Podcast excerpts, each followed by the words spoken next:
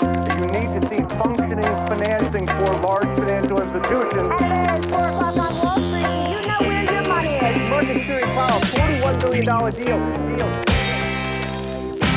Då är det dags för investerarens podcastnummer 61 i ordningen och det har blivit juni när det här spelas in så är det 4 juni vilket innebär att vi också är inne på sommaren och sakta men säkert så kommer också likviditeten och volymerna gå ner på börsen och det kanske kan tänkas skaka till lite mera. Det brukar ju vara lite skakigt under sommarmånaderna och eh, med de orden så kan vi väl också säga att årets första börskorrektion faktiskt är här. Nu är det nästan ett år sedan vi lärde känna ordet handelskonflikten så som vi känner till det idag. Det bubblade väl upp mer eller mindre under juli månad i fjol och sen har vi levt ett samboförhållande med handelskonflikten mellan USA och Kina, världens två största ekonomier, världens två största kapitalmarknader eh, sen dess då och eh, ja, snart är det ett år sedan. Eh, det känns som att eh, det är ju inte lugnt på den fronten utan har ju snarare kanske eskalerat nu den senaste tiden. Ehm, innan egentligen utspelet eh, mot Mexiko här för några dagar sedan så eh, har vi fått se en, en, eskalering där USA och Trump har höjt tarifferna på eh, kinesisk import eh, varpå Kina svarade trots att han manade till att svara inte på det här så att säga.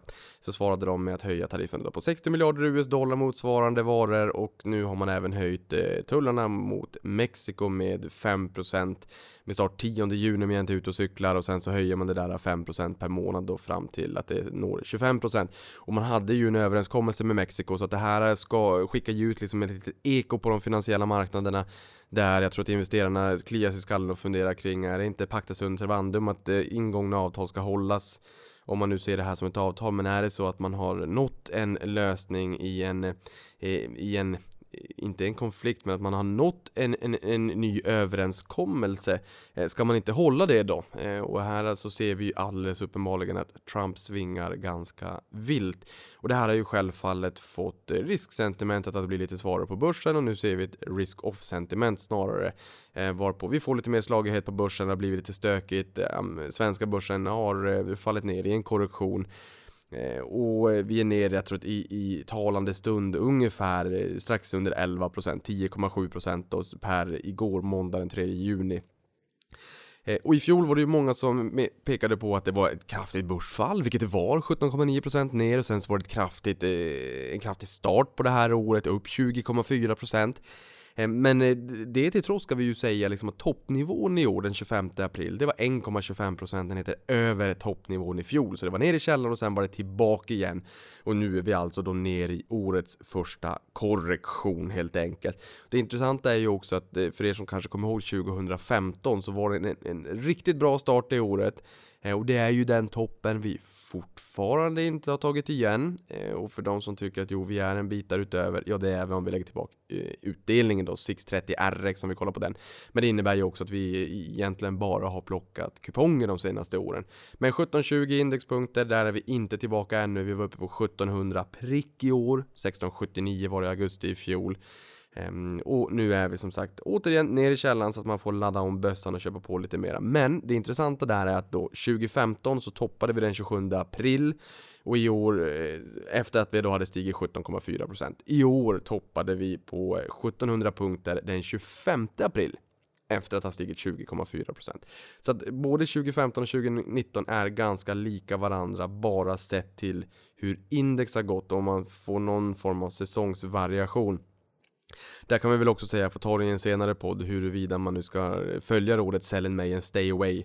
Jag kan ju tycka att om det är så att börsen brukar tendera att falla under sommaren, det är kanske då man ska köpa Eftersom att man inte kanske alltid ska köpa när börsen har gått upp utan snarare när börsen har gått ner.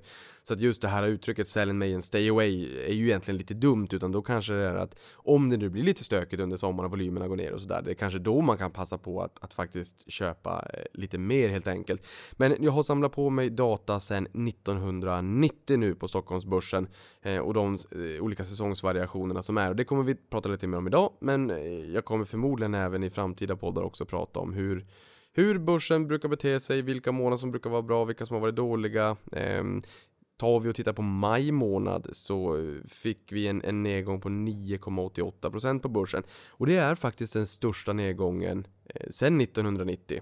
Riktigt när den förra nedgången under maj månad var så stor vet jag inte i och med att jag bara har data till 1990 och där finns det inget, ingen motsvarande nedgång. Så det är en stor nedgång. Förra veckan föll börsen 3,89%. Det är den näst sämsta veckan i år.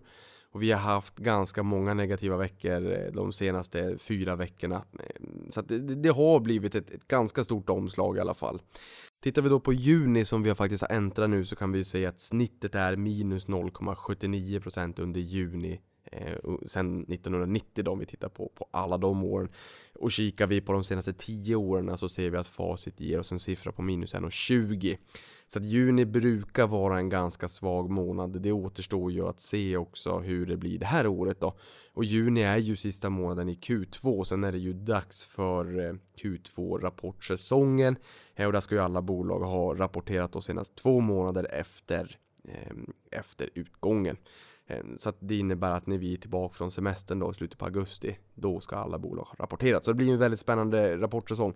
Inte minst med tanke på att vi nu också har fått in inköpschefsindex eh, som visar på att det faktiskt går bättre än vad marknaden hade trott. Men samtidigt så sker det ju också e-, ett lagg med kanske den eskalerade handelskonflikten som kanske återigen kan lägga sig som en liten filt på börsen. Så att det blir intressant att se både den statistiken som kommer in under sommaren och huruvida en eskalerande handelskonflikt påverkar likväl som vad bolagen säger om utvecklingen.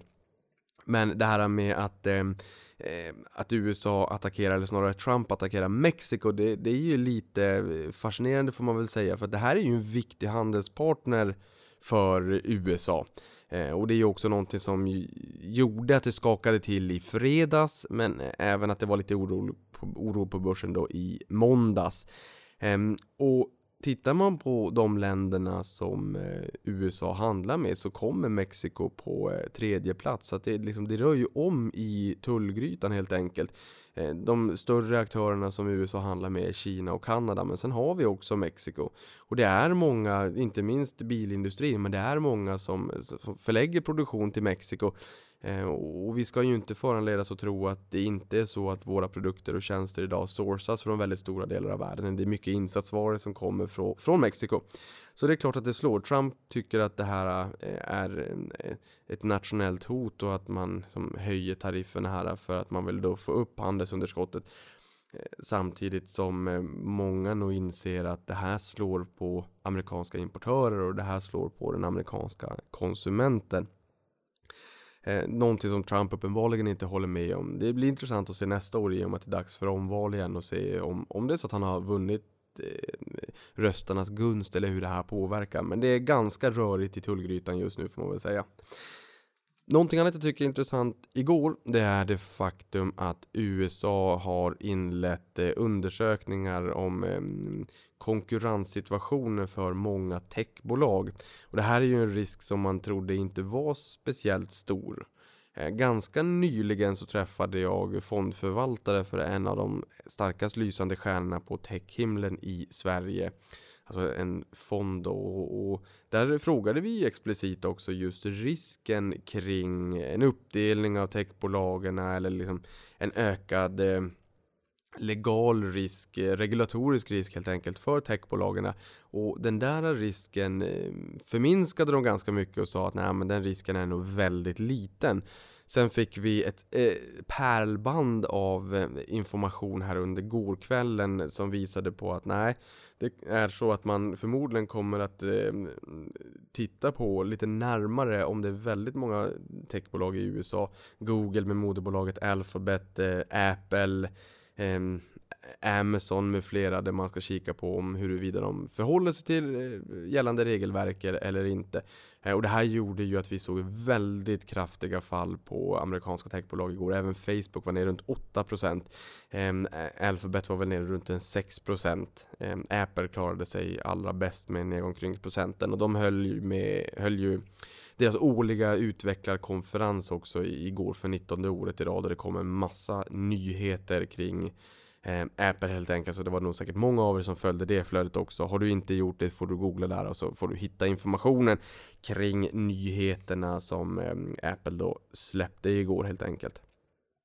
Men det här visar väl bara på att eh, man aldrig ska säga, det, det går inte att, ehm, man ska, inte se, man ska aldrig säga aldrig så att säga. Och det här är ju egentligen ingen nyhet för marknaden. Marknaden har vetat att risken har funnits där för en ökad eh, osäkerhet kring regulatoriska faktorer för techbolagen och att de har blivit lite för stora och lite för dominerande. Ehm, och nu inleder man de här undersökningarna och det är ingenting bestämt i, men, men marknaden hatar ju osäkerhet och marknaden är ju framåtblickande så att vi fick eh, väldigt stora fall. Och det här påverkade även många andra techbolag indirekt som inte påverkas direkt av eh, den här undersökningen helt enkelt. Och där får man ju eh, fråga sig själv om det är så att det skapar köplägen. Det, det var rätt skakigt i alla fall. Eh, sen det här med korrektion det är ju snarare regel än undantag. Eh, tittar vi tillbaka till år 2000 så har vi ju fått en korrektion varje år förutom 2017 och 2005. Och det innebär ju alltså att börsen har fallit med minst 10% från toppen till botten under ett enskilt år. Och ehm, nu är vi ju inne i juni som sagt och vi gick in i korrektion här för några dagar sedan. Så att jag menar, nu har halva börsåret gått och vi har fått vår första korrektion också. Så att vi håller oss till regelboken och börsen är ju en, ehm, det är levande materia. Vi vet aldrig vad som kommer att påverka eller skapa nästa korrektion. Eh, om det var handelskonflikten som skulle göra det eller inte, ja det kunde vi spåna kring att förmodligen så är det det som kommer leda till en korrektion och det var det också. Så där är vi nu eh, och det innebär ju egentligen bara att Eh, ja, man, man, kan köpa helt enkelt lite billigare nu än vad man kunde göra tidigare. Sen är det ju såklart så att om vi får en eskalering av handelskonflikten, om vi faktiskt får en reell påverkan på handelsströmmar runt om i världen, så kan det ju faktiskt lägga sig som en våt filt över många bolag och ehm, eh, strö lite salt i såren kring eh, försäljningstillväxt och eh, vinster och det är klart att då kan det också påverka bolagens vinster eh, vilket gör att då kan vi ju rimligtvis få ett, ett börsfall. Både om vinsterna skulle falla och om vi också tycker att det är en osäker period. Och att vi, vi då bör se en multipelkontraktion, det vill säga att vi, vi ser en sänkning av P-talet eller värderingen av vinsterna. Nu är ju inte värderingarna jätte, jätte utmanade i utgångsläget. Eh, men fortfarande så kan det kan bli värre helt enkelt. Men så här är det ju alltid. Det finns alltid orosmoln på himlen och antingen så kan man ju säga att ja men då, då säljer jag av och står vid sidan av och sen så hoppar jag in igen när det är lugnt. Eller så säger man att nej men det är så här det kommer att se ut och det kanske är så att man får vänja sig vid det. Det är bättre att jag hittar de bolagen då vill köpa eh, och sen så eh, försöker jag utnyttja de lägena som börsen bjuder på när det, när det surnar till lite grann. Eh, jag tycker att vi har pratat ganska mycket om hur man ska agera när, när börsen faller eh, det senaste året i och med att det har varit rätt skakigt. I och med att sen 29 augusti så har det varit full, full fart neråt eh, fram till årsskiftet och sen var det full fart uppåt och nu är vi nere i en korrektion då igen. Ehm, så det, det, finns egentligen inte jättemycket nytt att säga utan jag påminner återigen bara. Det är bra att ha en bevakningslista. Det kan vara bra att eh, använda kanske anteckningscenter på Avanza, skriva in kommentarerna för varför du vill köpa en viss aktie. Eh, och kanske bra också att lägga in några kurslarm om det är så att du bevakar ett flertal aktier. Så att det är lättare att hålla koll på dem så att när, när en aktie når en viss kurs där du känner att här börjar bli lite intressant så får du en liten notis i telefonen. För det kommer förmodligen, om det blir en eh, ökad osäkerhet så kommer det med all, all rimlig sannolikhet också att kunna bjuda på lite, på lite lägen helt enkelt. Sen kan jag också säga så här, senare i veckan så kommer det ett nytt avsnitt av The Monthly Bag Traders. Så är det så att ni har lite frågor eller funderingar till Per och Jesper så kan ni skicka in dem på Twitter, ett investeraren som jag heter där, eller på Facebook så ser ni facebook.com investeraren podcast. Det vill säga inte investerarens podcast utan slash investeraren podcast ihopskrivet. Så kan ni skriva några kommentarer där så plockar jag med de frågorna eller funderingarna till eh, Per och Jesper då helt enkelt. Sen kommer det ju också att eh, dyka upp eh, två poddar här med bolag kommande veckan och det är ju Intrum som eh, aviserade eh, ett förvärv i Grekland igår som fick lite fart på aktien. Det kan ju vara intressant att ställa lite frågor till Mikael kring det när han kommer. Och sen är det Toby också. Jag trodde i min envishet att det var Toby I i och med att det är två in där i, i och med att det är eye tracking. Men eh, de sa Toby så att då vet vi att det heter Toby också. Så har du frågor till de bolagen så är det också bara att skicka med en fråga så tar vi med det i podden. Och med de orden så tänker jag hålla den här podden ganska kort så att jag tycker att vi går direkt över till nyhetssvepet. Och då fick vi information igår om att Kinnevik kommer att avyttra sitt innehav i telekomoperatören Millicom. Och den har man ju ägt under väldigt lång tid. Eh, men nu eh, så är det ett nytt kapitel i, i bolaget då. Och det här eh, gör man som så att man säljer en del av aktierna i ett publikt förfarande och sen så kommer man också ge en utdelning till Kinneviks aktieägare på samma sätt som man gjorde med MTG. Och ytterligare Kinnevik igen så har vi Global Fashion Group som eh, har Kinnevik som storägare. De äger runt 35% av aktierna. De ämnar att eh, börsnotera det här bolaget i Frankfurt. Eh, och Global Fashion Group är en e-handelsaktör inom mode på tillväxtmarknader och Kinneviks andel är som sagt 35%. Här har vi Zalando också noterat i Tyskland även det. Ehm, och i det här fallet så blir det ju liksom tillväxtmarknader. Millicom, telekomoperatören, tillväxtmarknader, Global Fashion Group, eh, mode, eh, konfektion, tillväxtmarknader ska också in på börsen då, så då får man väl en, en liten peer och lite exponering mot just tillväxtmarknader då. Sen återigen igår, det kom mycket information igår. Då var det Volkswagen som bekräftade att eh, man avser att börsnotera lastbilsenheten Traton där Scania ingår. Så indirekt kommer Scania tillbaka till Stockholmsbörsen. Aktien kommer att vara dubbelnoterad både i Stockholm och på, i, Frankfurt. Då. Eh, och här sa man att den här noteringen förväntas vara klar redan innan eh, sommarledigheten och det beror ju lite grann på hur eh, börsen beter sig och vad som händer härnäst. Eh, idag nu på morgonen, tisdag när jag spelar in det här, så ser jag att börsen fortsätter ner strax en, en eh, mindre än en, en, halv procent ner. Eh, så att någon form av stabilitet, men det är ett ganska svagt sentiment. Men det kanske inte spelar så stor roll. Det är snarare om det blir väldigt stor slagighet som man kanske inte vågar släppa på bolaget. Man vill ju gärna att det ska bli en någorlunda hygglig start i alla fall. Och just det här med att det är en slagerbörs, det är någonting som fick Synsam att lägga sina börsplaner på hyllan just på grund av den här börsoron då. Och normalt finns det ju två noteringsfönster under året och en ökad oro på marknaden brukar leda till att bolagen lägger planerna på is lite grann, lite grann då, eller skjuter på noteringen. Vi har ju haft Adam Kostial som är noteringschef på Nasdaq Stockholmsbörsen här i podden vid några tillfällen. Det kanske, och jag har sagt det förut, kanske dags att försöka få hit eh, Adam ytterligare en gång till och se hur många börsintroduktioner det kommer att vara under året, hur pipen ser ut kontra liksom balansen, mixen mellan nyintroduktioner, kanske på First North kontra Stockholmsbörsen, large mid small cap eh, i förhållande till hur många listbyten det är. Att man kanske går från farmarlistan First North eller First North Premier upp till huvudlistan. Och det är klart att eh, för att ekosystemet ska andas och få liksom, nytt friskt blod så, så vill vi också få in nya bolag. Eh, och det beror ju lite grann på hur börsen går. Men Synsam var på väg in men eh, skjuter på det lite grann i alla fall. Någonting annat jag har noterat är att fler hushåll strömmar mer. Eh, antal hushåll i Norden som har minst en strömningstjänst, alltså en streamingtjänst, har stigit 16% senaste året och nu är det 5,8 miljoner människor i Norden som har minst en sån där tjänst då. Eh, och det är lite mer än hälften av alla hushåll. Så man kan väl säga att streaming, åtminstone för Netflix räkning, tog ju verkligen fart 2012.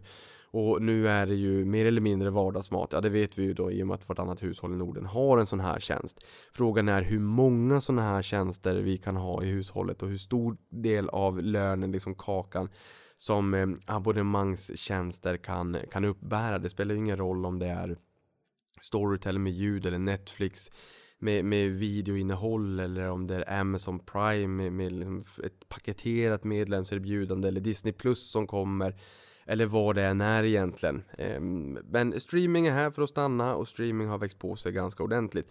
Man kan väl säga att det finns hälften kvar i och för sig om man vänder på myntet, myntet. Sen har vi fondbolaget East Capital som tar in eh, vår förra finansminister Anders Borg som rådgivare. Och han säger kort och gott att man ska äga den del av världen som växer. Han har ju också varit pro-Afrika i mångt och mycket så att det här med tillväxtmarknaden och det tillväxtmarknadsfokus det är ju inte ett nytt för Anders. Eh, men här eh, så eh, blir han då rådgivare till East Capital och investerar en icke nämnd summa i deras fonder också helt enkelt. Sen har vi norska sportkedjan XXL som föll till den lägsta nivån sedan noteringen efter säljräck från Danske Bank. Aktien är ner 81% sedan oktober 2016. Eh, riktigt jobbigt fall och banken anser att balansräkningen är så pass svag att eh, en nyemission ligger i korten. Eh, och här ser vi också att 5,92% av kapitalet är blankat, alltså publik blankning. Man behöver ju ha blankat minst 0,5% för att det ska bli en publik position. Ehm, så det, det, är en aktie som är relativt mycket blankad och börsvärdet under den här perioden har minskat från 15,6 miljarder till 3 miljarder norska kronor. Ehm, så att just det här med retail överhuvudtaget eh, ska man ju vara lite försiktig med. Det är klart att vissa bolag kan ha en enorm potential om man får en riktig sving i affären och får till omnikanal och blir stark i e-handelsrummet samtidigt som man är duktig och har en strömlinjeformad organisation när det kommer till, till brick and mortar eller så vanlig traditionell retail. Men men eh, allt annat lika så ska man nog fortsatt vara ganska försiktig för vi ser att det är en stor omvälvning, en väldigt stor omdaning i eh, branschen i stort. Egentligen alldeles oavsett om det är sportkläder eller om det är vanliga eh, hederliga klassiska kläder helt enkelt. Sen sist men inte minst fastighetsbolaget John Mattsson med 2200 hyresbostäder på Lidingö noteras på börsen 5 juni. Eh, och John Mattsson som jag har förstått när jag läser DI också, det är ju embryo till man sålde av en byggenhet för, för eh, ett gäng massa år sedan som sedermera sen blev JM som är liksom den kanske största och mest kända byggaren på eh, Stockholmsbörsen och brukar sägas skojsamt vara derivat på Stockholm. Så det, den, det är embryot, dagens JM kommer från John Mattsson en gång i tiden som nu då ska in på börsen här 5 juni, det vill säga imorgon då. Och teckningskursen är fast, tack för det. Det är alldeles för många som kör på spann och man vet inte vad man får för pris när man tecknar aktien. Så just det här med fast teckningskurs känns, eh, känns bra.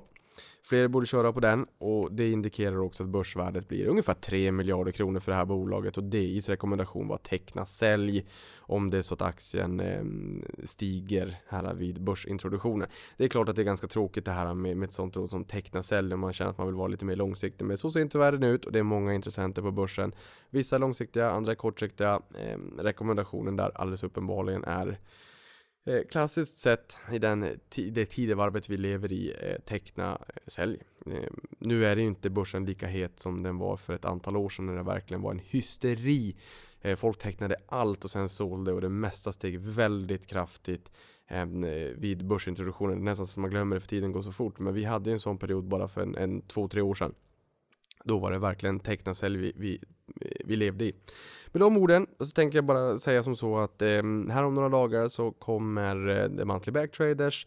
Eh, sen kommer ytterligare en podd med ett bolag. Den, den infon får jag vänta lite grann på. Du ser när den kommer och sen så har vi intro med Toby I nästa vecka. Och med de orden så säger vi, eh, jag hoppas både du och jag kan dra nytta av den korrektionen vi just nu befinner oss i.